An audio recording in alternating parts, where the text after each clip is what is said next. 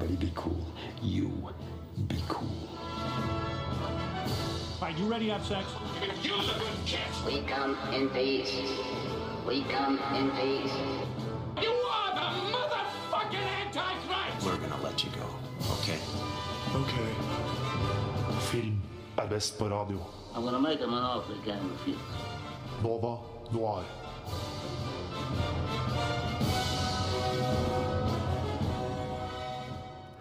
Hei og velkommen til Nova Noir. I dag så har vi en veldig spennende sending for oss som vi skal ta for oss, og det er nemlig en Ringnes herre spesial.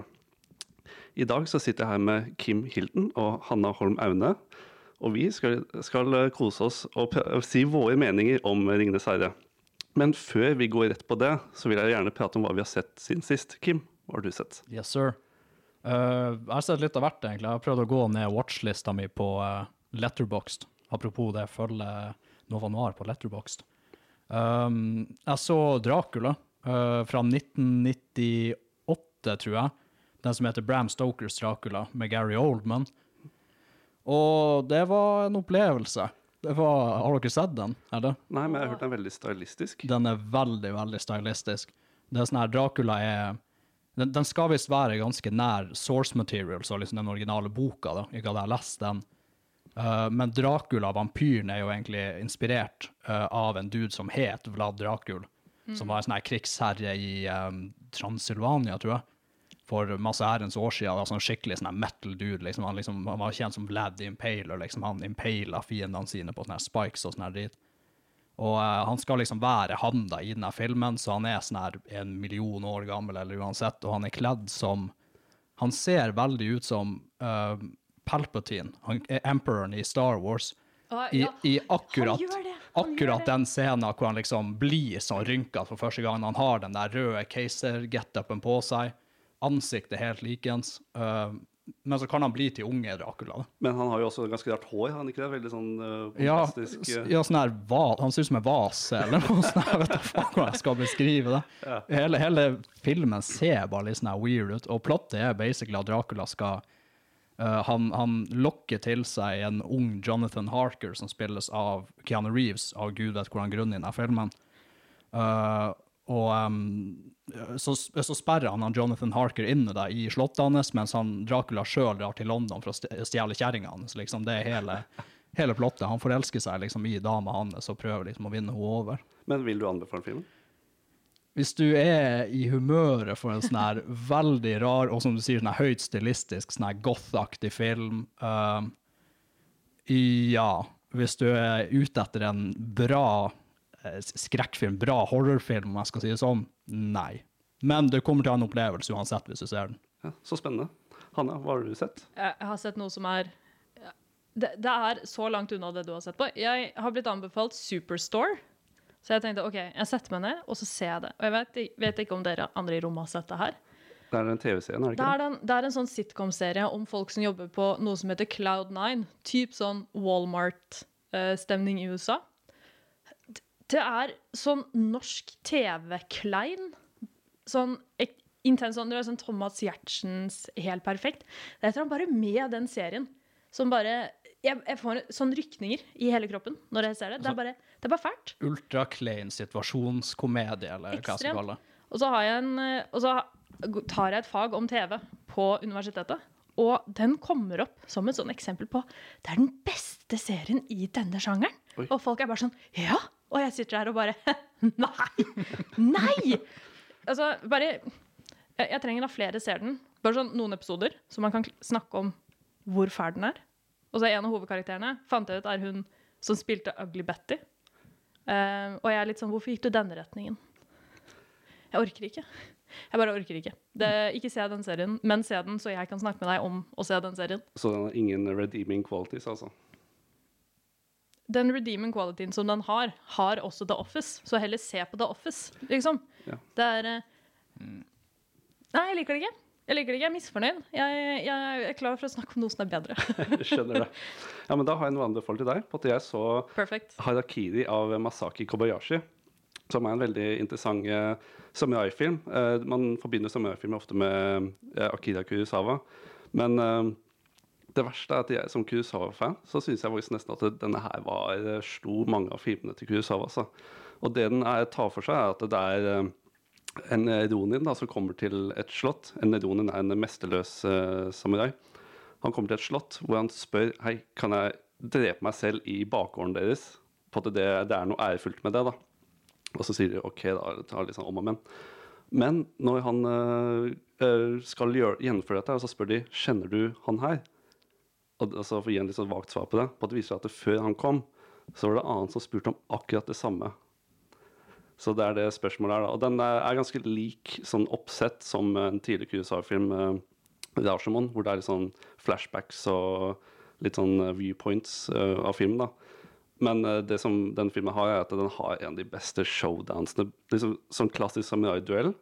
Det er sånn, Hvis du har lyst til å se en typisk samurai-duell, så må du se Harakiri. på at Den er nydelig. Ja, for jeg lurer på det med samurai-duell, fordi hvis jeg skal gå litt jeg, uh, Realistisk sett så var jo samurai-dueller sånn eh, Vi snakker sånn ett eller to blows, på en måte. Uh, det er gjerne ikke den film, filmatiseringssamurai-duellen hvor man på en måte fekter, og så tar man noen bakoversalto og sånn her. Hvordan, hvor havner den på det Mm. Den er veldig, Det er ikke sånn one blow, uh, one, liksom sånn, men det er, uh, går ganske kjapt for seg og, og sånt. da. Og det, er, det er ikke så fancy, men det er bare sånn hvordan den teknisk gjennomført gjør den veldig bra. Men det jeg tenker nå er at vi kommer til å gå videre på en introduksjon til Ringenes herre, hvor vi bare sier vår mening og sånt. Men før vi gjør det, så skal vi høre sangen 'Closure' av Joyless.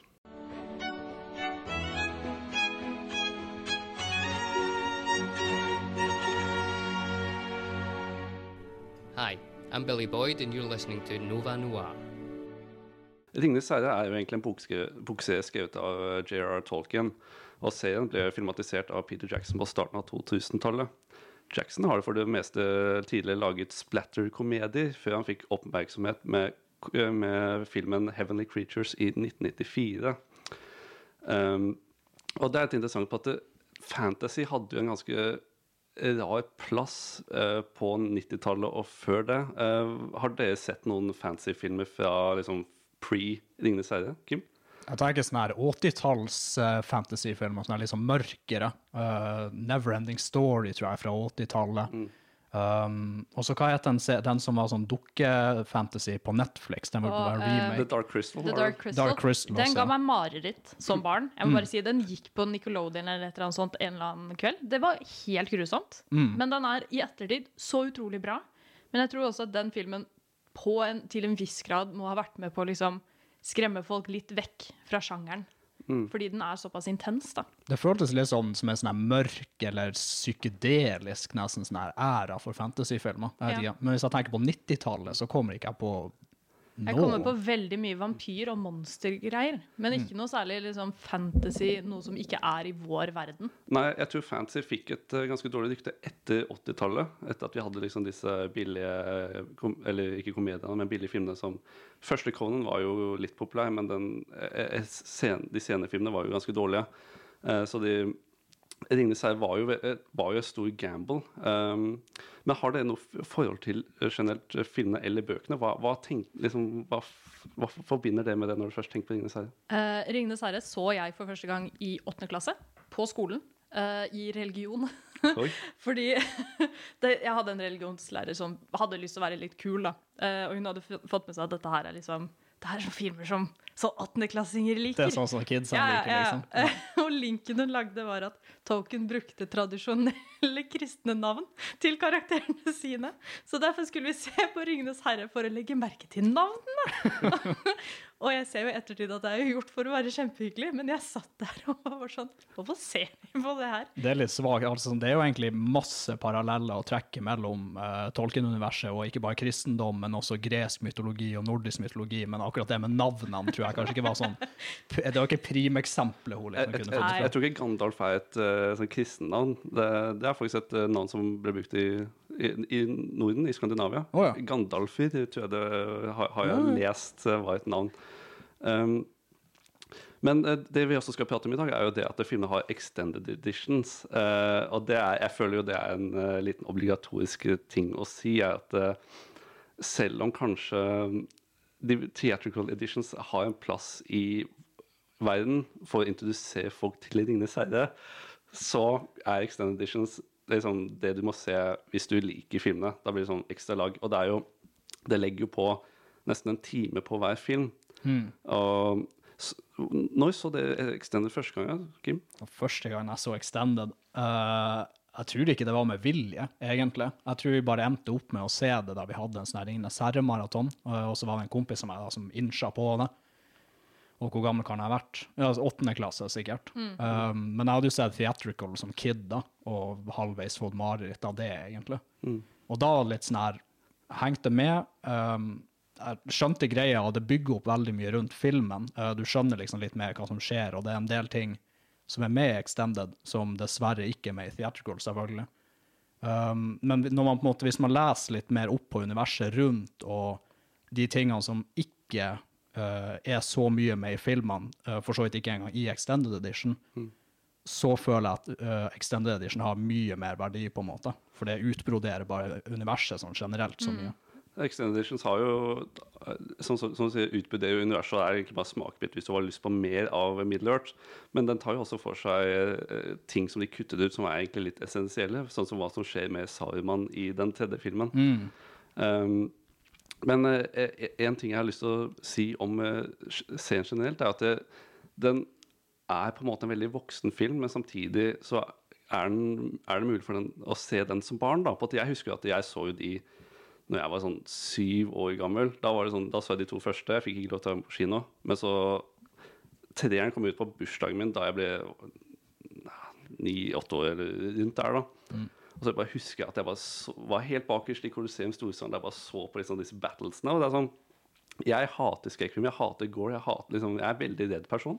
Men liksom, Ringenes herre er jo sånn er vold gjort smakfullt, da. Jeg vet ikke hva du tenker om det? Hanna, liksom. Jeg likte den vold gjort smakfull. uh, jeg, uh, var jo, jeg har vært veldig late til sånn hele fantasy-sjangeren generelt. Det er jo først i år, eller i fjor, da, hvor jeg liksom faktisk kom meg hjem hele Harry Harry Potter-universet, eller liksom de filmene. Eh, men akkurat 'Ringenes herre', etter den der litt sånn rare introduksjonen med hun religionslæreren i 8. klasse, så, eh, så bestemte jeg meg vel som 15-16-åring å se de, og da så jeg Extended uten vilje. Og jeg syns helt ærlig at det var litt voldsomt. Det var litt mye. Um, spesielt for en som ikke i utgangspunktet hadde vært spesielt interessert. Men jeg ser verdien av det i ettertid. Men nå skal jeg være dritkontroversiell. Jeg synes ikke det er nødvendig å se Extended Editions. Oi. Du kan kose deg nok med kino. Hun dropper bomba tidlig. Jeg gjør Ja, det. du gjør det. Dette kommer tilbake. Jeg kommer tilbake til det. Det er, en bombe, det er en bombe som ikke helt har gått av ennå. Vi, vi skal nå begynne snart å prate om Fellowship of the Ring. Men før vi gjør det, så skal vi høre en liten smakbit sånn litt fra soundtracket. En av mine favorittsanger det er Howard Shore med sangen 'Rivendell'. Er Inglourious Bastards den beste Tarantino-filmen? Nei, det er jo ikke det. Det er ikke det. det er, er det noen som mener noen av dere det? Nei. Sånn helt Ja. Du mener det? ja. Film er best på radio. Nova Noir. Og nå skal vi begynne å prate om Fellowship of the Ring. Så Fellowship, Fellowship of the Ring er jo den første filmen i filmteologien. Og det introduseres kjapt til Frode, som arver en eh, ring av onkelen sin Bilbo. De er hobbiter, bare for å ha sagt det. Men eh, det viser seg kjapt at eh, dette er ringen til den onde her- herren Sauron. Og at eh, Gandalf, trollmannen, setter Frodo av gårde på et oppdrag for å kaste ringen ned i en vulkan der den ble laget. Men dette klarer han ikke helt alene, så han får hjelp fra flere medhjelper, som eh, Legolas, The alven, dvergen Gimli og mennesket Argon, annet. Og til sammen blir de Fellowship of the Ring. Og det er her eventyret virkelig begynner, hvor de reiser over fjell, gjennom gruver, slåss mot beist som urukaier og demoniske ballrogger. Og jeg, jeg bare spør, hva, hva tenker dere om eh, Fellowship the Ring? Hvor sitter den i hjertet ditt, Hanna? Har du noensinne sett den med en bibel foran deg? Nei da. Eh, jeg skal slutte med den historien. Eh, nei, det ligger fortsatt litt i å se den i 18. klasse på sånn auditorium. Um, men når jeg ser den, så husker jeg fortsatt liksom den følelsen jeg fikk når jeg så den for første gang, at The Shire, sånn det første du på en måte møter etter at du har blitt introdusert til liksom, alle disse ringene, og det er dritfett, og herregud, hele verden står på spill, så klarer Peter Jackson å legge en sånn veldig rolig tone over Sjekk ut The Shire. Har ikke du lyst til å bo der? Har ikke du lyst til å bare ligge i det gresset og chille? Og det er litt den følelsen jeg får av The Fellowship of the Ring først. Eller liksom, når jeg ser den, da. Det er veldig sånn chill stemning. Det er veldig sånn, Jeg har lyst til å bare sitte i sofaen og bare følge med. Og det er litt sånn Det er kanskje litt rart å si at det, det bare er koselig. Det er noen bare med det som er grunnleggende koselig.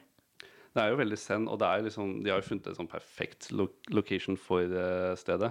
Men du nevnte noe veldig interessant, og det er liksom det at de introduserer jo liksom Før vi møter Frodo og ringen og alt mulig dette her, så blir vi introdusert til For flere hundre år siden, da, eller tusen, jeg husker ikke hva det var nå, så blir vi fortalt historien om Sauron og liksom slaget eh, Alvene og menneskene mot orkene og Isildur og hele pakka der. da. Og jeg tenker at det, det er jo veldig imponerende hvordan de har klart å liksom uh, fortelle en historie så kjapt, så effektivt, sette opp et univers og introdusere deg plutselig til uh, fremtiden med Frodo.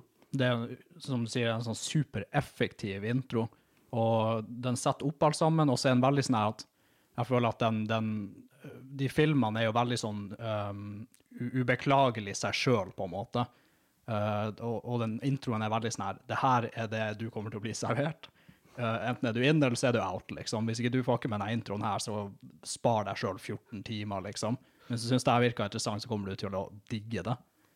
Og um, den ble jo egentlig lagt til som en ettertanke, uh, bare som en sånn fun fact, fordi jeg tror det var Peter Jackson som, når de holdt på å klippe, uh, og det var sånn her første screening eller uansett, så uh, fikk de på en måte tilbakemelding om at folk syntes det var forvirrende å henge med historien om uh, å, det var noen alver, og så er det noen ringer, og så er det noen mennesker, og så er det noen dverger som bare plutselig er faen forsvunnet opp i fjellet av gud vet hvordan grunn, og uh, også av en eller annen grunn så er det en sånn superring, og hva er greia med det, liksom? Så han tenkte bare fuck it, vi bare oppsummerer hele bakgrunnshistorien, sleng det inn på sånne her åtte-ni minutter, og der har du det. Jeg tror også det er veldig smart, fordi eh, hvis du noensinne prøver deg på boka, så legger du merke til at de første 150 sidene er uh, setup. Setup til hele universet for at du skal liksom få med deg Ja, han skriver litt om sånn derre en kvist som ligger et eller annet sted, og det er spennende, fordi det, en gang så tråkket han på det, og han er sønnen til Han kan godt hoppe for de sidene, liksom. Men det er et eller annet med universbyggingen som du på en måte si, Sikkert da, sånn som de, som screen, de på screeningen sa, du bare mister hele eh, hele essensen på hvorfor skal jeg gidde å bry meg. Hva, det er jo ikke noe Det er ingenting at stake, fordi du vet ikke hva som kommer i det hele tatt. Du har ingen premonitions om det i det hele tatt. Og i, i samme dur da, så syns jeg at Fellowship føles mer ut som et eventyr enn alle de andre. da, på at vi, vi følger jo Frodo og de andre hobbitene mens de på en måte, sånn som Sam sier, da, når jeg tar ett steg videre, så er jeg liksom eh, lengste bort fra The Shire som jeg noensinne har vært. da. Og det, er, det er veldig det er Dette er en egenskap de to andre filmene mangler. da. Jeg vet ikke hva du tenker om det, Kim? Nei, Jeg tenker egentlig akkurat det samme. Og um, det her er jo egentlig min favorittfilm i trilogien, og det syns jeg er sjelden for eh, Eller ikke sjeldent, men som den første filmen så har du liksom bagasje med at du er nødt til å bygge opp universet, du er nødt til å introdusere karakterer, du er nødt til å sette opp plotlines og på en måte starte alle sånne character arcs uten at noen av dem på en måte Du får ikke luksusen av å eh, avslutte eller konkludere noe. Du får liksom ikke noe sånn her release i den første filmen. Uh, men den første filmen i Ringenes herre er bare uh, den beste, syns jeg, rett og slett fordi universet er så fengslende, og karakterene er behandla så mye med, med så mye kjærlighet. Um, fra fra castinga til hvordan det er skrevet, og til hvordan verden er bygd opp, og at det bare er en sånn, sånn litt sånn som du sa, med at The Shire vil man bare bo i, og, og så skjer det så mye i den. Det er bare, nei, det bare varmer hjertet mitt, den filmen. Jeg føler veldig også med Sam, med hver gang han tar et steg vekk fra hjemmet, og at han er litt sånn åh, dette suger, men samtidig, det er litt sånn, det er litt spennende. Fordi jeg tror, det er, jeg tror det er det jeg liker veldig med det, at Sam skjønner ikke helt hva han egentlig er med på, før han plutselig står i Mordor og bare, det her suger. Å, det her suger, ass! Men du kan jo veldig relatere til den, denne eventyrlysten. Og det er jo det at du på en måte Jeg tror vi alle har noe inni oss at vi på en måte har lyst til å gjøre noe, men vi tør ikke helt. da, og liksom Mm. Det på reise og bare kaste alt bak oss. da. Ja. Og det er jo det at eh, universet er så flott. da, eller Det som gjør eventyr så spennende, er at eh, omgivelsene er så fine. At det er all denne New Zealand-naturen. Så vi bare ser med disse helikoptershotsene og bare sånn Det er noe magisk, da. Så hjelper jo det med, veldig med musikken også. Og det er jo veldig spennende. Um, men det jeg tenker at vi kommer til å fortsette litt mer med Fellowship. Men før vi gjør det, så skal vi høre sangen 'Where Are You' med 'Blow Away'.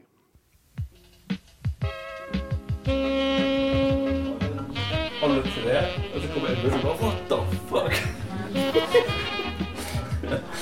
Har du sett Parasite? Ja. Har du sett Parasite? Du vet når hun gjør den der, den der huskeringen? Å, shit, shit. Uh, Nova Noir.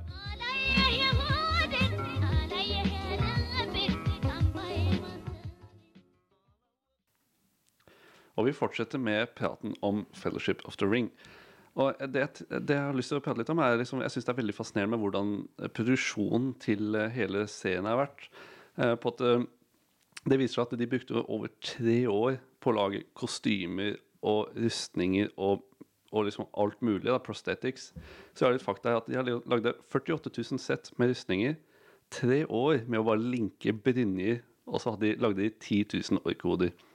Og jeg føler at, du, at man ser det i filmene. da, At du ser at, eh, at det ser ekte ut, i motsetning til de nye Hobbit-filmene hvor alt er så mye CG. Hmm, Eh, Shade.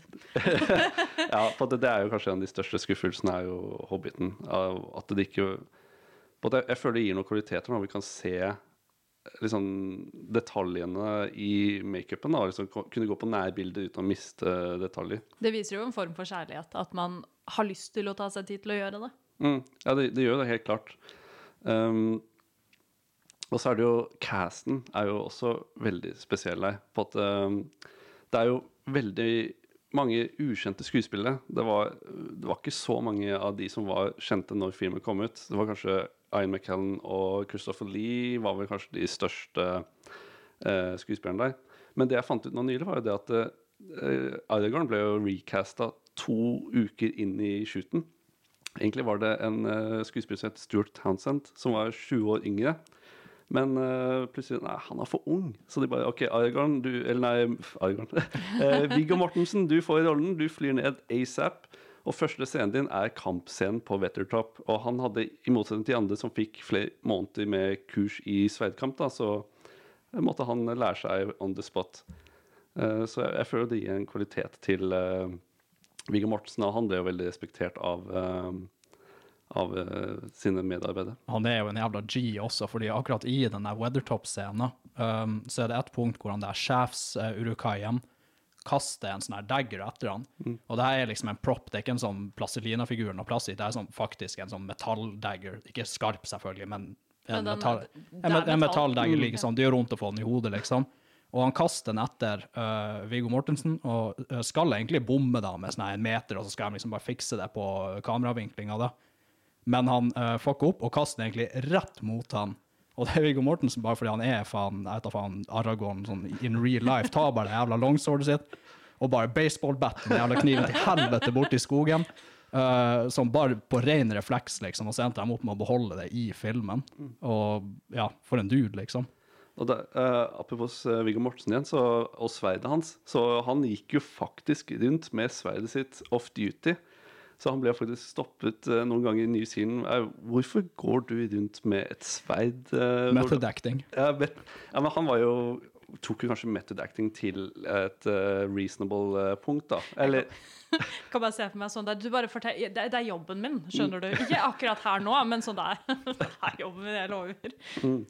Men uh, en annen ting som jeg syns er veldig interessant, er at Peter Jackson har jo selv sagt at den neste filmen vi skal prate om, Two Towers, er Aragorn sin film.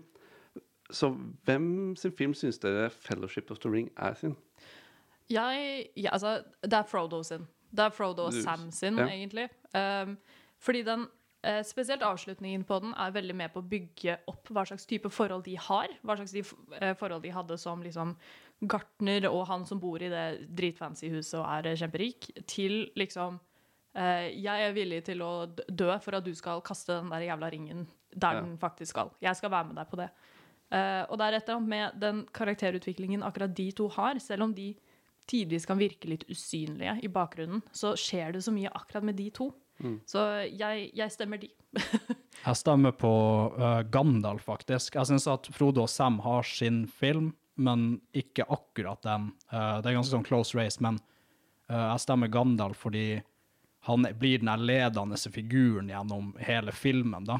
I de to neste filmene så blir han litt mer en sånn støttende karakter, en sånn force.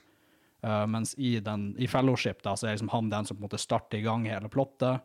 Uh, det er han som drar hele fellowshipet fra A til B og ditten og datten, og det er også han som da får på en måte den store, dramatiske sluttscenen da, i filmen.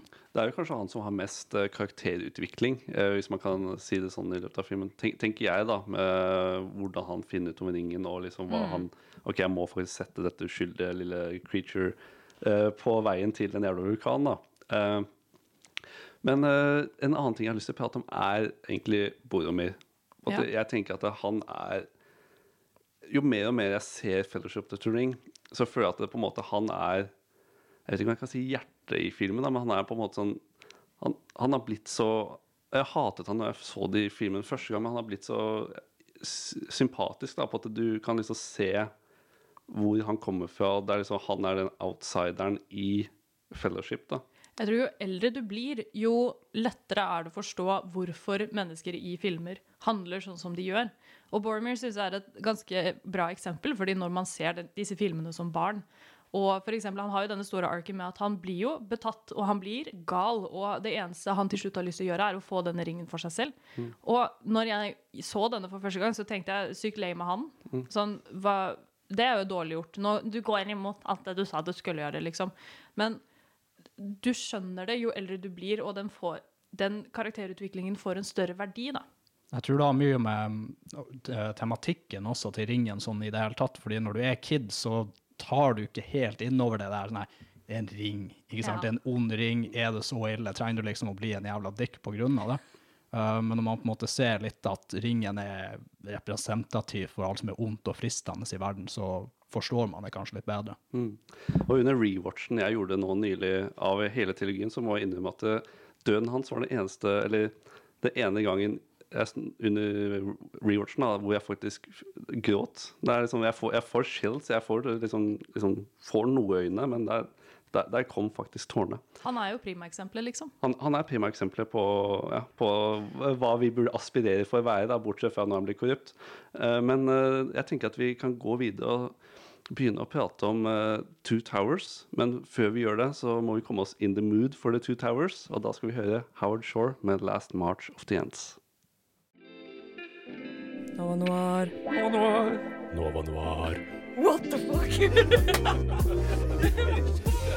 Nova Noir, vi sitter her hver torsdag fra 10 til 12.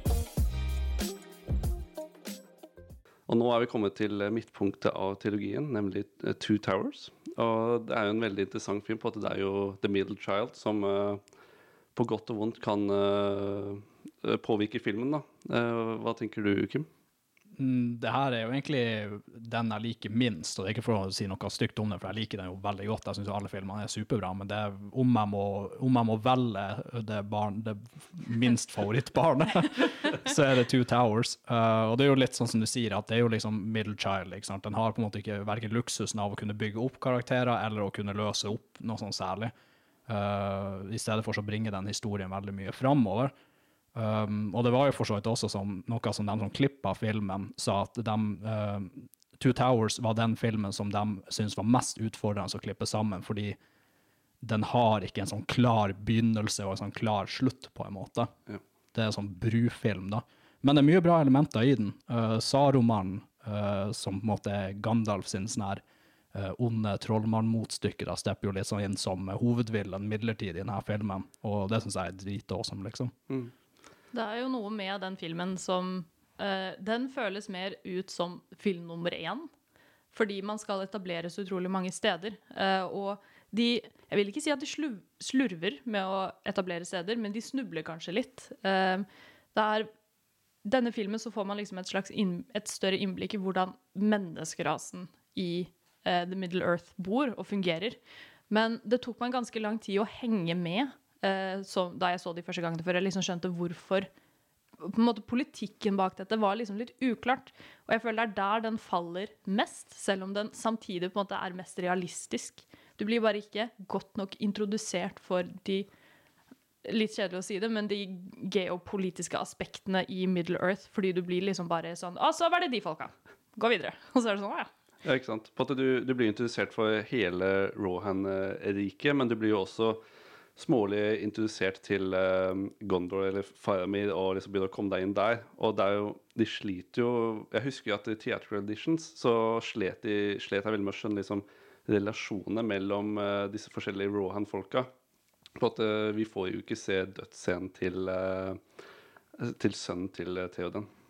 Og her skal jeg gi meg litt på det jeg sa i stad. Dette er egentlig den eneste av disse tre filmene hvor jeg ikke syns at theatrical release holder for å forklare dette her.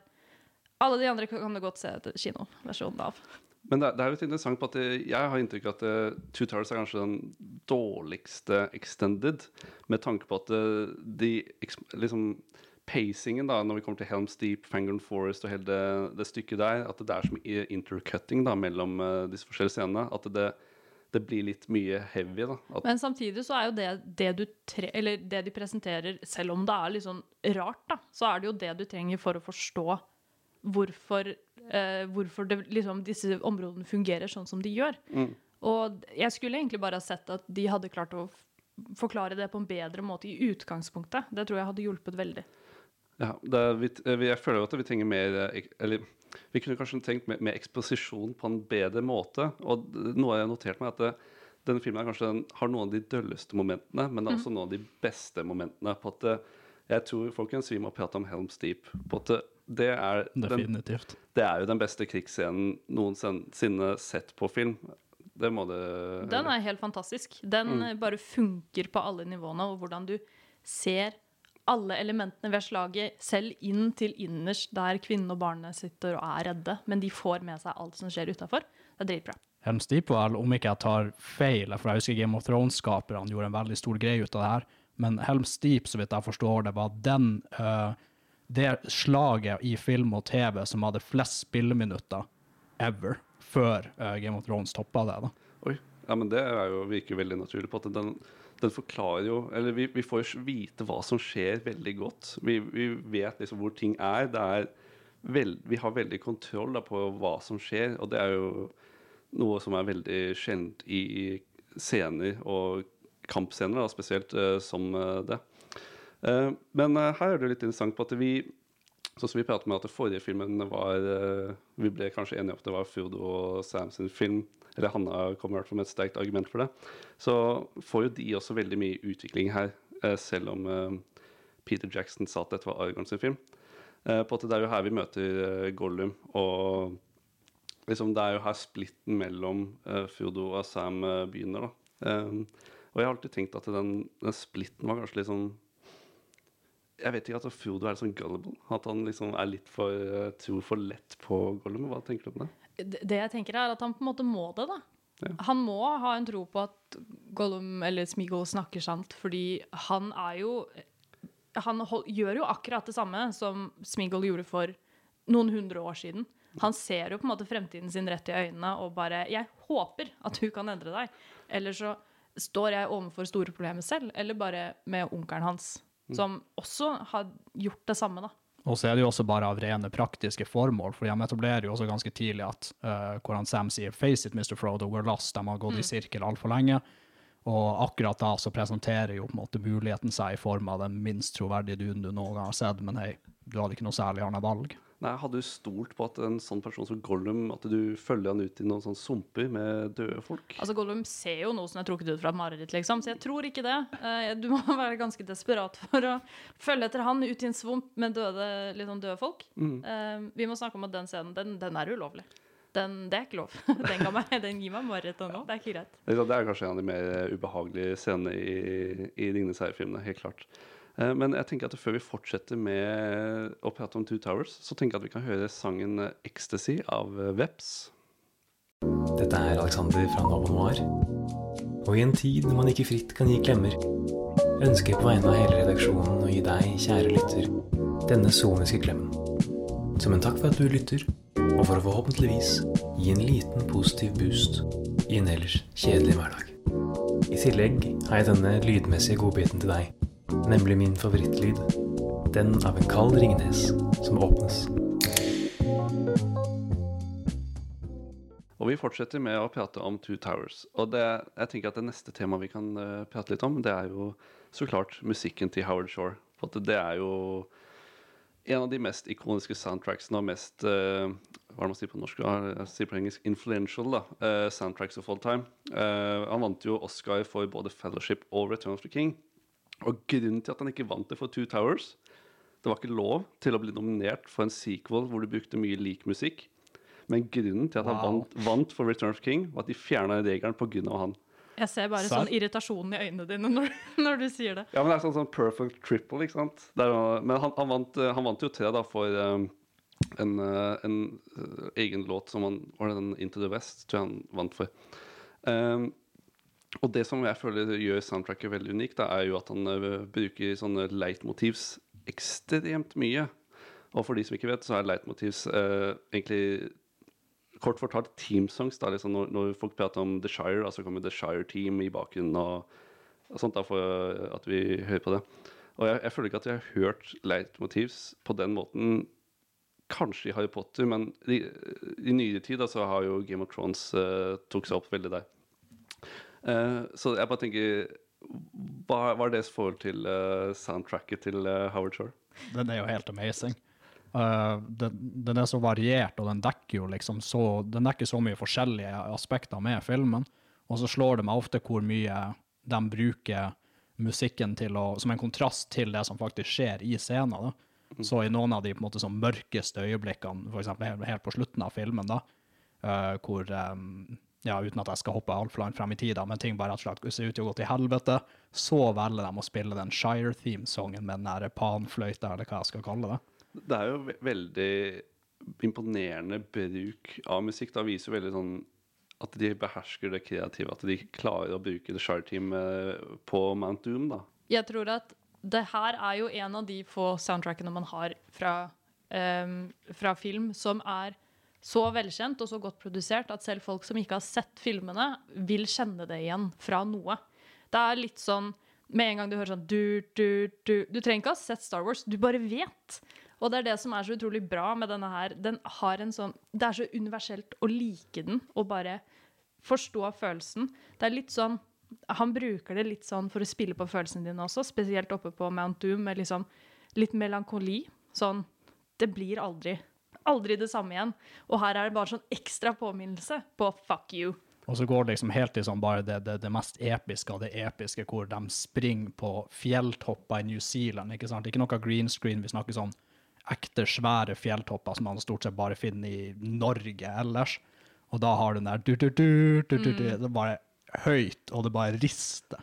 Du har liksom lyst til å bare ja! Ja, det er sånn du, liksom, du springer sånn kraftig andpusten etter, liksom. Og jeg, jeg leste jo at uh, Howard Shore han eh, komponerte jo e- ekstremt mye. Han fikk jo assembly cuts, da, som er jo veldig store gråklipper av filmene, og bare scora nesten hele. Da. Og jeg har lest at uh, det er kanskje litt mye å ta i, men nesten opp til 90% av filmene er liksom musikk. At det er liksom, Han forestiller seg filmene som en slags sånn eh, noe på en slags opera. At det bare at det, det, det er en så integral eh, del da, av uh, uh, filmene. Og det, du ser jo det når, på de beste sekvensene, sånn som Ride of the Rehearing i både eh, toeren og treeren, at det er sånn På de klimatiske punktene så er det sånn Du blir overveldet av musikk, da. De bruker også film Eller eh, de setter også på en måte musikk som et sentralt tema i Mm. filmen også. Så hver gang de slapper av, så er det noen som spiller og de har det gøy. Spesielt den scenen på slutten av eh, Two Towers, når Pippin og Mary eh, synger og danser oppå et bord, og alle liksom klapper og har det helt gøy. Det er bare, de bare skaper en stemning med at når musikken kommer, da er vi på en måte fri.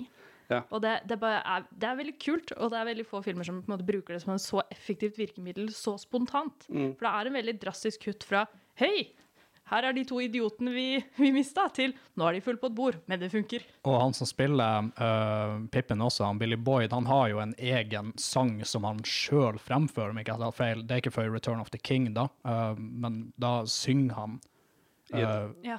i et veldig sterkt eh, på- punkt da i, i filmen. Ja, veldig sånn kritisk uh, sangbruk, skulle jeg til å si, og synger ganske pent også. Og jeg lurer på om det var en halvimprovisert greie. Å ja, det har jeg ikke hørt. Men det er jo kanskje den, Er det den eneste sangen i teologien hvor noen Nei, jo, vi har extended cut av Eowyn som synger, da. Den Ja, men vi trenger ikke det. Vi Nei. trenger ikke extended cut. Bare for å Ja, det er kontroversiell eh, Kontroversiell stemme fra sidelinja her. Det er verste jeg har hørt i hele mitt liv. Um, men de bruker det jo på alvene òg. Det er jo det du de, Alvene har jo også sin egen lyd. Jeg tror det, det er litt sånn som Du bruker på en måte musikken for å finne holdepunkter i universet. da At alle har en egen lyd. Og det er jo noe det som hjelper deg å plassere ting og liksom geografisk hvor vi er. da, liksom Teamsongsene nå, ja, nå er vi i Rohan, nå er vi i Gondor, nå er vi plutselig i, tilbake til Shire. da, og det, det er en veldig effektiv bruk, og det er, det er så mesterlig gjort. Eh, Men jeg tenker at vi kan begynne å gå og prate om karakterer i filmene. Men før vi gjør det, så skal vi høre 'Konsentrert' av Knut Peder.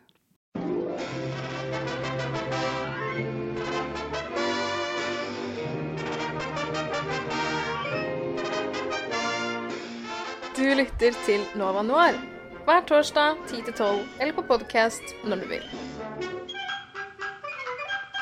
Og nå har vi kommet til det punktet hvor vi begynner å prate om karakterene i film. På at som vi pratet om tidligere, 'Ringenes herre' har kanskje en av de største ensemble-castene jeg noensinne har sett. I hvert fall som får li, ikke like mye, da, men veldig jevnt med screentime, hvor de, folk ikke blir kastet rundt. Og det er veldig mange, var veldig mange ukjente skuespillere som uh, Elijah Wood, som var rundt 18-19 når han filmet dette. Det var liksom, han var jo kjent barneskuespiller, men uh, han, liksom hans gjennombrudd her. Og Alana Bloom, Bloom var jo kanskje 20, 20 år eller noe, var det vel. Um, hva tenker dere om liksom, screentime? Føler du at hver karakter får uh, justice? Ja, til den graden hvor karakterene trenger å være på skjermen, så ja. Det syns jeg. Um, jeg syns at de har klart å finne en balanse på de karakterene som er litt meningsløse, eller blir liksom meningsløse. For eksempel, selv om jeg elsker de, Mary Pippen i første film, de gjør egentlig ikke så veldig mye annet enn å ødelegge. Eh, og det er liksom derfor de er der. De ødelegger med å lage mat, de ødelegger ved å klage, eh, og de ødelegger ved å liksom på en måte lure seg inn i The Fellowship. Men de har egentlig ikke en annen funksjon før film nummer to. Det er først da de på en måte får en rolle. Så jeg synes at de klarer å balansere slike karakterer som får en større rolle seinere, på en god måte. Da. I hvert fall i The Fellowship. Mm. Og en ting som uh, er jo litt uh, Som ofte blir nevnt, er at eh, Ringnes er veldig, veldig sånn uh, good versus evil. Da. Det er veldig sånn svart på hvitt her. Eh, føler dere at karakterene har dybde? At de på en måte har identitet, liksom at de har flaws? da, Føler du det, Kim? Ja, det kommer jo selvsagt an på karakteren, men jeg syns stort sett alle karakterene har jo en ark, på en måte. Du kan til og med si ting sånn som eh, Hvis man tar han eh, nevøen til Theoden, ikke sant, som er litt sånn side-side-side-karakter, egentlig. Skjønner ganske fort ja, det her er en dude som har blitt utstøtt av eh, onkelen sin fordi det gikk dårlig. Uh, leda en liten sånn eh, ragtag-gruppe, og så kom han tilbake liksom, og gjorde det rett. Og sånn her. Og man kan liksom finne sånn, man kan finne den arken i alle karakterene, selv om dybda kanskje ikke alltid er så lett å se. Og i hvert fall ikke i theatrical-versjonen. da. Nei, på jeg, jeg skjønte jo eh, ikke helt relasjoner med Eomi og liksom Theoden og Eoin, da, og, og liksom hvordan de var relatert, og han døde dødsønnen til Theoden, da. Det var veldig uh, Så Her tror vi jo vi må også gi grunnmaterialet ganske mye creds, da, fordi Tolkien brukte jo ekstremt, ekstremt, ekstremt mye tid på å greie ut om alle karakterene på en ekstremt ekstremt dyp måte, eh, til også grader hvor det var litt unødvendig. Ja. Um, men det, det, det ligger noe i det eh, når man skaper et univers, at man forteller om hvorfor, måte, hvorfor du skal bry deg om nevøen til en dude du nettopp har blitt introdusert for. Jeg tror egentlig den eneste karakteren i Ringenes herre som jeg syns uh, taper veldig mye dybde uh, i overgangen til film, det er på en måte Saruman, som sånn som du sier, Ringenes herre er jo veldig sånn her, enten er det uh, hvitt eller svart, på en måte. Enten du er snill, eller så er du god. Og han er egentlig en av veldig få sånne grå karakterer. Det kommer ikke så godt frem i filmen, men han er egentlig ute etter ringen for, eller til seg sjøl, da. Eh, og da ikke nødvendigvis uh, av onde grunner. Det er jo for at han på en måte skal kunne ta, slå Sauron, da, ikke sant, og uh, ha makta, da. Ikke, ikke av onde hensikter, som sagt, enten han innser det sjøl eller ikke. Men i filmene så kommer ikke det fram. Da blir han litt sånn lakeien til Sauron, egentlig. Han er jo, ja, jeg har alltid for- forbundet han med at han var understått til, til Sauron. Men uh, jeg tenker, hvem er det dere liker best? På at det er, for meg, jeg har så mange favoritter, men jeg, jeg liksom borer mer kanskje oppe der for meg. Men uh, hva er deres favoritt? Jeg, jeg står veldig mellom to, og det er av to komplett forskjellige grunner. Og det er uh, med The Mary Pippin i én entity, og så er det Gollum. Og det er fordi at de, de, har så to ulike funksjoner. Du har liksom the comic relief, ja, men de blir liksom viktige. De, og Mary Pippin får en egen eh, rolle i hele spillet mot slutten, når, spesielt eh, Pippin når han begynner å pelle på den Sarumans eh, kule og liksom ødelegger litt for den hensikten han har egentlig for å dra hjem. Eh, og så er det eh, Gollum som eh, så Han er en så utrolig spesiell karakter og i det hele tatt kunne mestre. Så det å få han til på en så god måte og fremdeles gjøre han sympatisk, det syns jeg er ekstremt godt gjort. Så det, det er liksom mine to, da. Jeg må også ha to stykk, faktisk, av, uh, også fordi jeg ser på dem, eller jeg liker dem av to helt forskjellige grunner. da. Uh, den første er standardsvaret, det er jo liksom Gandalf, for han er liksom den største badassen på den gode sida. Han er jo damn near en sånn halvgud, og det er han som er pådriveren uh, for mye av handlinga i filmen, og er veldig sånn MVP på mange måter. Utrolig fascinerende karakter generelt. Uh, og den andre er Sam, eh, rett og slett fordi han er liksom hjertet i mange, på tvers av filmene. Uh, litt sånn under eh, Hva skal jeg si Under uh, sånn stille karakter som egentlig ikke får skinne skikkelig før helt, helt, helt på slutten. Og når han skinner, så er det bare så bra. En annen person jeg glemte å nevne som jeg liker veldig godt, er jo King Theoden. Og Kim, du var ikke så fan av han, var du? Theoden er en bitch, altså. Han. jeg fucker ikke med Theoden i det hele tatt, og han er en av grunnene til at jeg ikke liker To tårn så veldig mye. Theoden er sånn her, For meg så er Theoden sånn jævla middle management-leder, liksom. For det er sånn her, Hele rolla til Theoden er at de er nødt å fortelle Theoden hva han skal gjøre for at det rette skal bli gjort. så Alt Theoden gjør som er feil, det er fordi han ignorerer rådene til Gandalf eller Aragon, og alt han gjør er riktig, er fordi han tar imot rådene til Gandalf eller Aragon. Men han har jo blitt satt i en vanskelig posisjon. da, har, jo- har jo vært veldig Ble jo besatt på en måte av, av Saruman, da, liksom. Så Ja, altså, jeg, jeg kan- Men er Men, akkurat men kan du blame han for å stikke av, da? Han har liksom Han har vært possessed, liksom, i ukevis. Men det er jo akkurat det som er greia. Han har jo faen meg vært faen ute av verden nå gørrlenge, og så får han liksom sånn to sånn super liksom, De har vært out there, de vet hva som skjer, de, Ja, men de Hvordan vet liksom han det? Her kommer det to randoms på døra di. Han vet jo det fordi de forteller han det.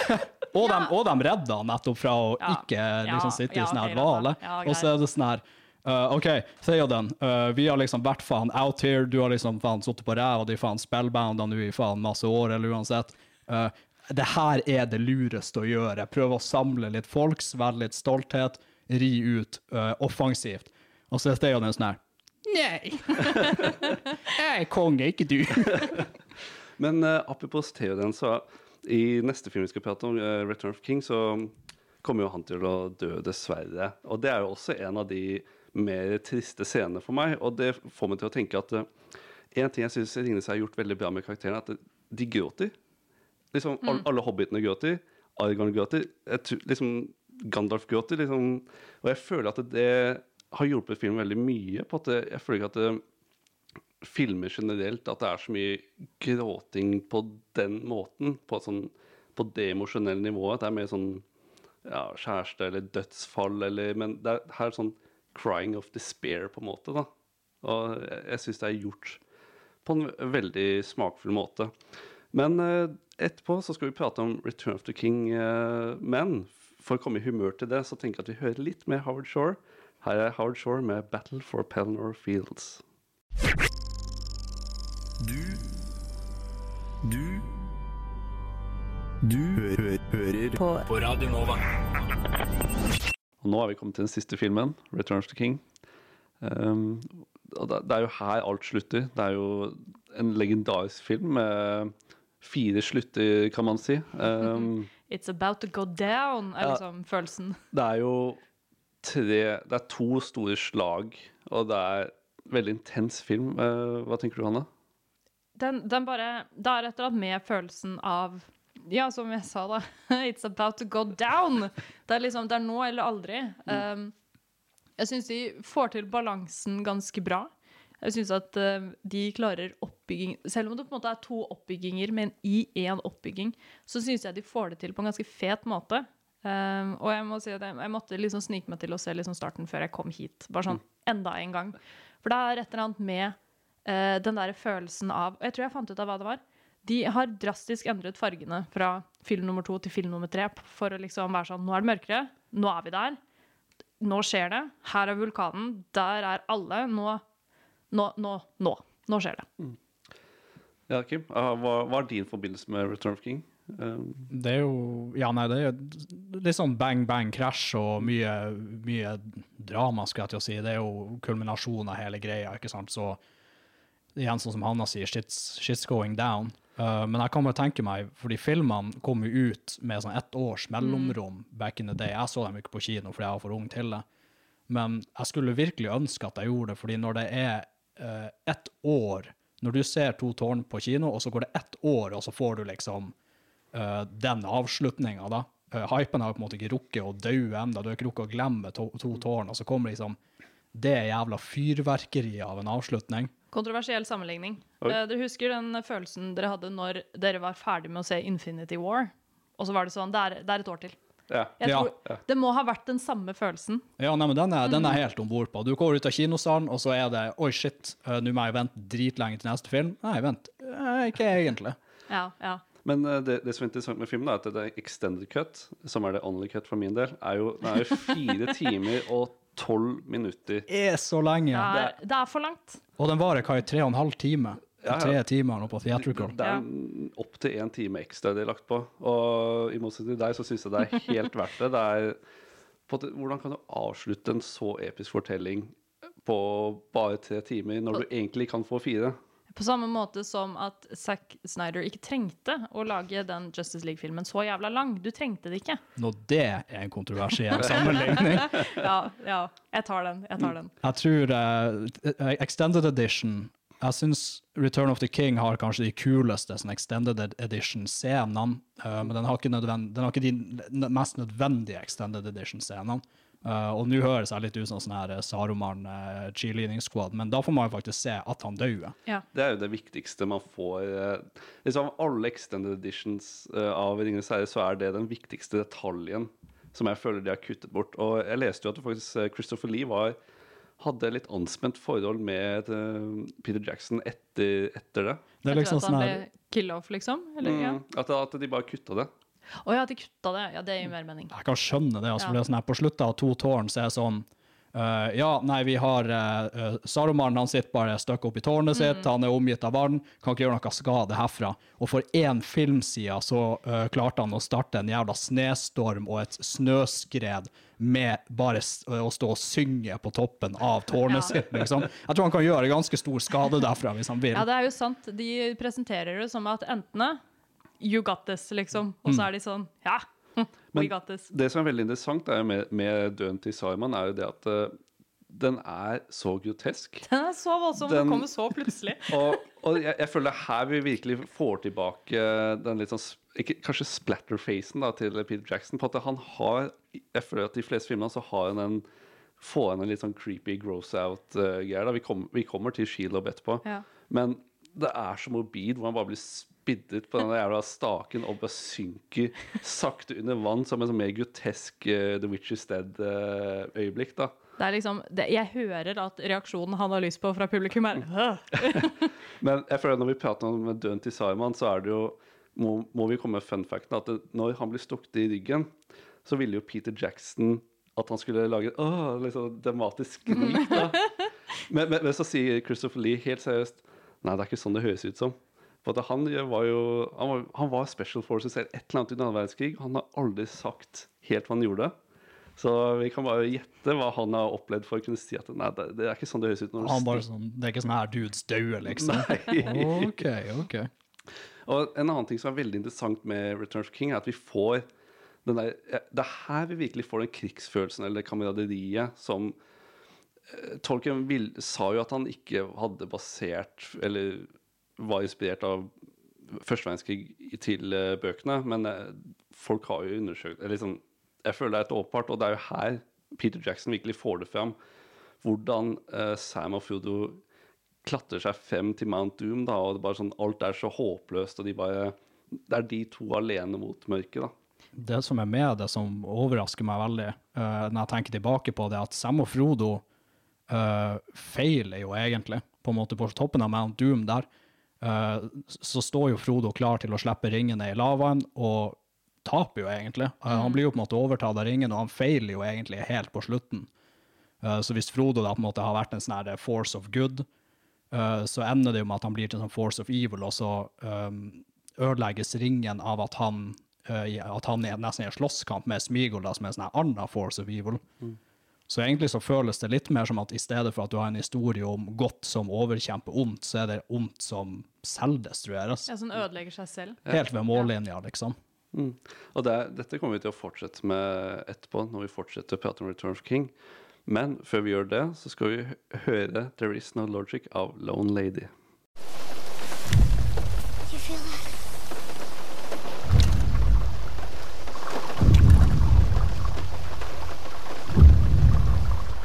Nova Noir. Det merkes på tyngden. Og her fortsetter vi med å prate om Return of the King. Og det jeg tenkte jeg ville starte med nå, er jo egentlig at det, det er her VFX-ene begynner å ta seg opp. Uh, denne her, den siste filmen har tre ganger så mye VFX-shots som Fellowship, og dobbelt så mange som Two Towers. Og jeg føler at det, filmene har jo revolusjonert liksom, Man kan ikke understate hvor revolusjonerende disse filmene har vært for uh, VFX, da, liksom alle disse hærene ved Helms Deep og Minas Tirith, de var mulig med at de lagde softwaren uh, Massive, var det det het, um, som har bare blitt brukt i masse filmer senere og liksom revolusjonert. Det er jo derfor vi ikke ser store slag med ekte skuespill lenger. da. Trist nok. Uh, shame on you, Ringnes Herre. Men um, vi ser også noen uh, Jeg føler jo VFX-ene har aget bra, men vi ser også noen bevisst uh, Mest der jeg ser det, er jo Army of the Dead, som jeg syns er kanskje Mm. en av de billigste løsningene på en konflikt. Ikke veldig bra, det er den ikke. Nei. Jeg, er eller historiemessig så er jeg ikke så mye imot Army of the Dead som folk skal til, egentlig bare effektmessig. Jeg syns det ser cheap ut. Ja. Men historiemessig så syns jeg det er en fin sånn demonstrasjon av eh, makta ved liksom eh, kongeskapet til Aragorn, da, som de har bygd opp gjennom tre filmer. Og det er, det er jo veldig interessant å se at eh, det er kanskje litt sånn, Jeg vet ikke om det er befriende, men at det finnes en annen stormakt enn en bare sauen. på en måte. Det gir jo litt eh, dybde til uh, filmen. At, de, at det ikke bare er uh, godt og ondt som man skulle ha, ha det. da. Uh, men en annen VFX-greie vi nevnte tidligere, er jo Shelob. Eh, den edderkoppen. eh, Å, det ga meg mareritt, ass. Åh! men det jeg syns er så utrolig, er at det, som sagt, jeg er en ekstrem pyse, men det, er, det, er det den mest smakfulle ed, edderkopp-scenen liksom, Det er jo ekkelt, men jeg aksepterer det på at det er Ringenes herre. Jeg vet ikke hva dere syns. jeg. Jeg tror Peter Jackson hadde beskrevet de eh, diskuterte hva han ville få Shelob til å se ut, så sa han jeg vil ha sånn typen sånn National Geographic-edderkopp, bare, bare fette blown out of proportion, liksom. Er eller annet Altså, det funker. Det gjør jo det. Det fungerer jo. Det ga meg jo mareritt, og det gir meg jo ennå mareritt av å bare tenke på. Hun Altså, den er jo Den, den er Jeg vet ikke hvordan jeg skal beskrive det. Den Jeg aksepterer at den ikke nødvendigvis ser helt ekte ut, Uh, fordi den kan på en måte ikke det. Uh, det er jo det som blir liksom problemet når man har helt ny teknologi som de liksom har begynt å småeksperimentere med. At du, du må være den som tar det første steget, som tør å være sånn OK, men vi prøver. Vi må prøve å få det til å se bra ut. Og da syns jeg man egentlig skal tilgi det litt, og så kan man heller kritisere senere filmer som bruker den samme teknologien, som gjør det skitt, da. Jeg syns også at um, Return of the King Vi snakker jo mye om uh, VFX, sånn uh, computergenerert uh, imagery Mm. og sånn. Um, men det jeg syns de gjør ekstremt bra, er det å blande fysiske effekter med uh, VFX-en. da. Um, de har jo eksempel Minas Tirith, den byen, uh, Gondor-byen, da, er jo det de endte opp med å kalle for en bigature, som er miniatyrfigur, bare fett enorm. De var sånn Mm. tre meter høy og seks meter i diameter. Så vi har en figur som er større enn alle som sitter i det her rommet med god margin. Uh, og i tillegg så hadde de så mange detaljer, så de hadde liksom sånne små rosa i hvert vindu. sånn at de kunne ha de flying shotsene med kamera som går rundt, og det faktisk kunne se ut som en by som folk levde. Ja, de hadde jo, sånn som Helm's Deep, så hadde jo, de hadde jo miniatures, og så hadde de bigatures for uh, forced perspective shots, da, hvor de hadde det i bakgrunnen og, eh, og sånt. Eh, men eh, tilbake til skilab. På at jeg vet at det er litt ukomfortabelt for dere, men jeg tenker at det, av alle effektene i Ringenes herre, så syns jeg faktisk den er en av de som har holdt seg best. At den, den ser jo kanskje litt VFX-gummi ut, men allikevel ekte nok. Og jeg leste jo at uh, mesteparten av uh, prosthetics og sånn miniatures var jo laget av Veta i, uh, i eh, New Zealand. Men eh, akkurat hodet, av alle ting, hodet til Shelob, da, var laget av et selskap i Canada, var det vel, da. Så det var en sånn liten uh, fun fact der. Men uh, jeg tenker at når vi e- etter Army of the Dead, da, så drar jo de ut til, uh, til eh, The Black Gates, da, eh, utenfor Mordor. Og den showdown der er jo veldig VFX-heavy. Det er vel kanskje en av de som har aga minst, eh, tenker jeg. Jeg tror også at den har blitt mer en, en sånn type løsning har jo blitt vanligere, Mm. eh, spesielt med Marvel.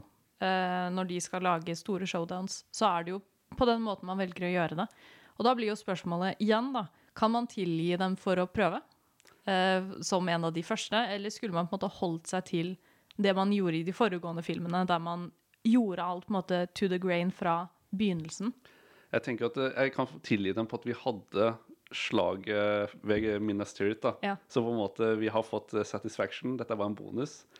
uh, som jeg syns er veldig gøy, da. Men uh, en annen ting liksom Det som var bra da ved The Black Gates, er jo tenker jeg det er jo det, Når tårnet til Sauron blir ødelagt jeg, jeg tenker den, Har dere sett noe så sati, sånn, som er så nydelig å se på, med alle disse bitene som bare fyker vekk? Jeg, liksom, jeg føler det er en veldig revolusjonerende effekt. Altså, det er godt gjort. Mm. Ja, det ser jo, man ser jo at de har lagt mer kjærlighet i akkurat den, fordi det er liksom Det er slutten, på en måte. Det markerer Mm. at nå er det ferdig. Ja. Hvis man hadde gjort det skittig, så tror jeg folk hadde vært jævla pissed. Jeg tror man hadde snakket om at det hadde vært dritt ennå. At det var liksom sånn Ja, så eksploderte det tårnet, da. Mm. De la jo mye tanke i lyden, for eksempel, også lyden tårnet lager når det knuses. Eh, Så vil de ha en blanding av den her kraftige, buldrende lyden som man vil se for seg når et tårn detter sammen, eh, men også et element av glass som knuses. Jeg tror for å symbolisere liksom hvor fragile hele greia på en måte til syvende og sist er. da. Eh, men det igjen er jo enda en testimony til hvorfor, eh, hvor mye detaljer som går inn i det, og hvor mye tanker som går i det. Mm. Altså, når etter at tårnet er sprengt altså det, Dette er sånn, sånn eh, Samme med Army of the Dead er veldig billig slutt, er at det bare kommer hull under der alle, alle orkene står. Altså, ikke der menneskene står, Nei, nei. de blir fine, men det er bare sånn endeløst hull. bare pff. Ja, sånn- for mennesker er omringa, og Ja. den ringen er det som forsvinner ned i jorda. ja, nesten. Hvordan kommer de seg ut? Det er sånn Det er ikke peiling. De må, de må finne noen svære fugler. De finnes jo. Når hun blingser helt på hva de heter. Det er de der, Ørnene? Ja, de svære ørnene. Vi må bare rope på de, og så må de bare ta en sånn veldig lang rescue mission. Bare fly fram og tilbake i E- sånn, og en. et par dager. Kanskje to. En på hver fot eller noe sånt. Så kan de holde på. Men det jeg tenker at vi skal snart begynne å si hvilken film vi tenker er best. Men eh, før vi gjør det, så tenker jeg at vi kan høre på 'Kanskje det var like greit' av eh, Johan Berggren.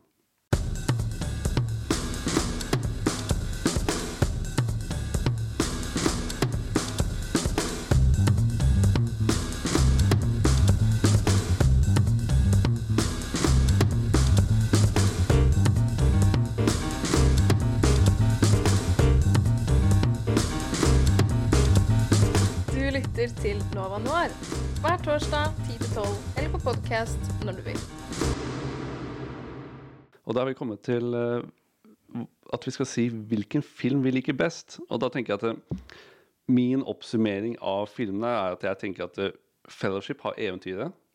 Two Towers har action. Men selv om Return of the King har, har action, så har den også godhet.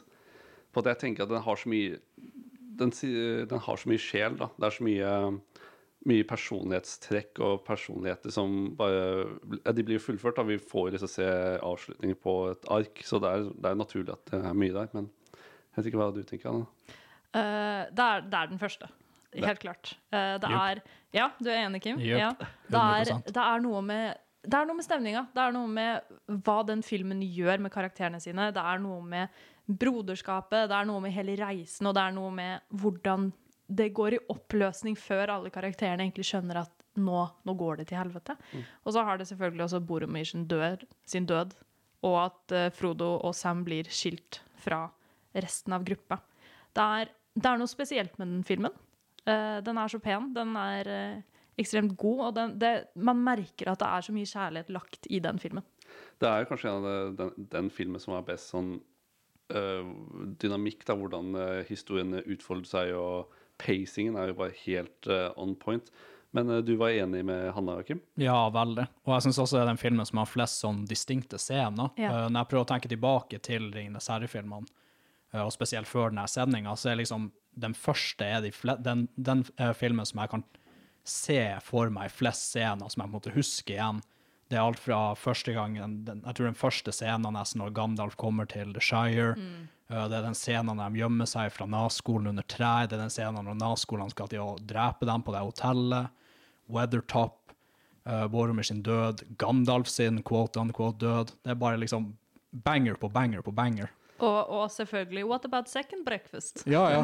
Og den har mest som mi- den har fleste Den eh, mest memes. meme-worthy, ja, liksom, Det største ja. meme-potensial med Keep your secrets then, og You shall not pass, og Ja, alt det der. Det er faktisk veldig interessant at du sier det, at de fleste memesene har faktisk kommet ut av uh, Fellowship of the Ring. Men uh, jeg likte jo faktisk uh, Two Towers best når jeg var yngre. på at det var, det var action, og det var Helms Deep, som liksom fortsatt er så knall. Jeg gikk over i en litt sånn Return of the King-fase på at det, historiene var så bra. Men det er kanskje kjedelig å si det, men jeg begynner faktisk å bli en fellowship-person, jeg òg. Bare på at den har Kaller du oss kjedelige? Join us. Kjedelige folk. Kjedelige fellowship-folk. Jeg har jo alltid sett på meg selv som en, eh, et sånn spesielt individ, da, men eh, Litt sånn snowflake. litt, litt snowflake, ja. Men som, som du sier, det har liksom bare alle disse set-piecene. Det har Moria, det har liksom Boromir. Det er liksom det er så mye kult. Og jeg, som, som du sier, Weathertop og Nascolsene de er kulest når de er på hest eller på bakken. Jeg syns de er så kjedelige når de bare flyr inn på disse dagene. Ja, og de har så mye større impact tidlig i filmen, for det er Mm. liksom de første sånn bad guysene du blir introdusert til, og du skjønner egentlig ikke helt hva de er. Uh, alt de er i hele trilogien, det uh, finner du ut av til slutt i løpet av Fellowship. Og designet er jo så enkelt, men så utrolig kult. Bare sånn, eh, Kappekledde fuckers, altså. Jeg er du- dritredd for du, det. Du da kan ikke se fjeset engang. Det, var sånn, det er liksom det enkleste jeg kan tenke meg, men det bare fungerer så bra. Men hvis du skal være litt sånn Sorry. Nei, jeg skulle bare si det var veldig effektivt. Oh. Ja, hvis, hvis du skal være litt sånn devil's advocate, Lars, uh, klarer du å argumentere for hvorfor du pleide å synes at Two Towers var best? Nei, det er jo som sagt vet, Jeg skal bare si det, det er Helms Deep. Det er liksom, alt annet kan jeg unngå, men det er bare Helms Deep. Bare kutt bort Fangorn. Bare kutt Helms Deep er så bra. Mm. Jeg bare og jeg, jeg leste nylig at du vet når de urikaine begynner å sånn, eh, slå med spydene sine i bakken før kampen, det var visst improdusert av disse eh, Mange av disse orkeskuespillerne ble spilt av eh, maori, eh, eh, inn, sånn in, natives på, fra New Zealand. Og de gjorde det bare for å gjøre seg klar til, eh, til kamp, da. Og det, det gjorde sitt eh, inntrykk da, på filmen. En ting som jeg vil si, da Så jeg tror jeg, jeg synes liksom at filmene modnes. Du, de blir på en måte mer voksne jo lenger ut i trilogien du kommer. Du får liksom den som er mest sånn voksenfilm på slutten. Jeg tror det er kanskje derfor at man eh, faller liksom tilbake på den første. For den er liksom Det er den som skal få deg til å komme i gang. Eh, som skal få deg til å gidde å se de to andre. Du må ha den banger-starten, for hvis du ikke har det, så gidder du jo ikke se noe annet eller noe videre, selv om det er bangers. Mm. Og det er jo, som, som du sier, denne starten hvor vi bare ser det, det slaget, er jo, som vi sa tidligere, en av de mer effektive introduksjonene. Og det får meg til å tenke at vi, liksom, vi ser jo Sauron der, liksom, og vi ser henne egentlig ikke i sin fysiske form scene i, uh, i trilogien. Men uh, visste dere at det, under slaget ved Blackgate, så slåss jo Argon med et, mot et troll. tidlig i prosessen så skulle det være Sauron. Og de var Og dette fungerer jo ikke. Dette er jo ikke Aragorn sin film, og sjelen i dette er helt feil. Så de bare CGI-et eh, et troll over og strukturerte litt. sånn. Og det var faktisk eh, Viggo Mortensen sin idé. Ja, fordi han var enig med at det ikke ga mening, da. Ja. Ja. Kløtsja igjen Viggo Mortensen. Det hadde vært en elendig avgjørelse Mm. å ha ja, ja. den der, helt plutselig. Det er et veldig spesielt valg. Og det får meg til å tenke at uh, skuespilleren fikk veldig mye å si, da. Eh, de, som, de skrev jo manus på nytt nesten hver dag. Og bare sånn Oi, shit, hva, åh, hvordan gjør vi dette her? Og de spurte skuespillerne hei, hvordan føler du, og, hvordan, og de fikk jo si hei, jeg føler at dette er mer intakt da, med hvordan min figur er. da. Eh, som jeg syns er veldig spennende. Det er også en ganske stor risiko å ta, å gi så frie tøyler Mm. til alle sammen. For det kunne jo ha gått straka veien helt, liksom Det kunne ha gått helt feil. Og 'Ringenes her er jo kanskje det største risikoprosjektet noensinne. Det er liksom Peter Jackson utviklet det med, som to filmer på at han trodde ingen ville ta det, og så øh, gjorde han det med Miramax, og så fungerte det ikke, og så fikk han lov da, til å pitche den andre. Pitchet han to, film, to filmer til New Line, er det vel. Og så sa de dette, men dette fungerer ikke. Hvorfor er det ikke, hvorfor er det ikke tre filmer? Og det er sånn Det er kanskje en av mer Det er så risiko, og bare sånn alle pengene involvert, og bare alt jeg bare, 'Ringenes herre' kommer ikke til å bli laget igjen. Ikke noe Nei. Det er så sjelden tilfelle hvor studioet bare går sånn ordentlig hånd i hånd med den kreative visjonen. Og også det som ble nevnt tidligere om at filmene ble sluppet såpass back to back to back, for de uh, skjøt jo alle tre filmene uh, ongoing, da.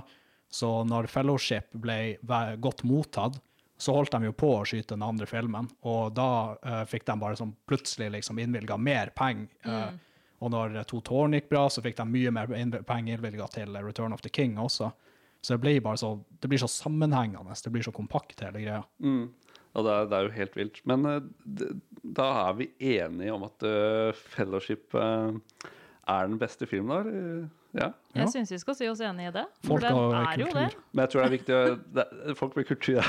Men det, jeg tror det er viktig å understreke at alle filmene er de beste filmene noen lag, noensinne laget. Ja, det er ikke for å, det er ikke for å trø ned noen av filmene, for de er alle sammen fantastisk bra. Det er bare noen er mindre Man bra. må, ha den, fe- man må ha fellowship for at man kan ha de andre. Det er det. Ikke sant? Og det er jo sånn for min del, liksom Ringenes herre extended, alle filmene igjen, det er én film, og det er den beste filmen noensinne laget. Men uh, før vi skal wrappe opp her, så tenker jeg at vi kan høre sangen 'Skarpe kniver 2021' av Sorg 2.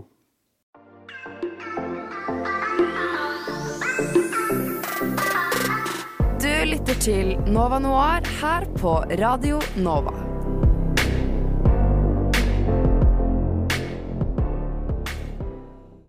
Og da, folkens, da er vi ferdig med sendingen. Vi har pratet om Ringnes herre-trilogien, Extended Editions, og vi har kommet til enighet om at eh, Fellowship of the Ring er kanskje den beste filmen.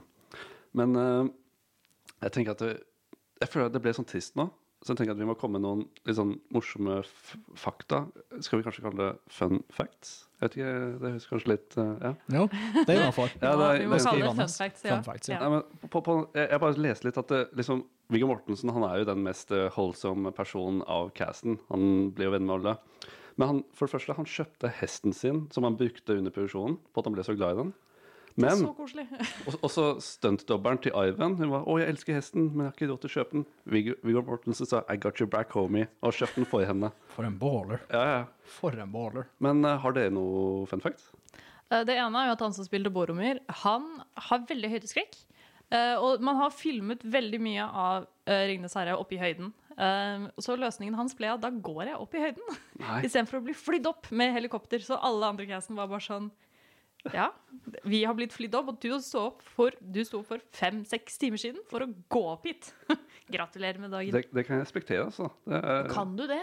Er ikke det litt sånn der face your fears sånn én gang for å bare sette seg i et helikopter? Det er ganske tøft at han tok prosjektet. der. Jeg kan tenke meg at det er flere folk Ja. med mer sånn primadonna-nykker som var sånn Nei, da dropper jeg bare hele prosjektet, på en måte. Men eh, Kim, hadde du noen morsomme fakta? Ja, én som er knytta til veldig, veldig, veldig tidlig eh, Det er ikke engang preproduksjon, det her var da han var liksom i planleggingsfasen. Og da Peter Jackson var i samtale med Weinstein-brødrene om, alt, med alt, eh, om å liksom finansiere filmen, om det skulle være én eller to eller tre filmer, eller uansett.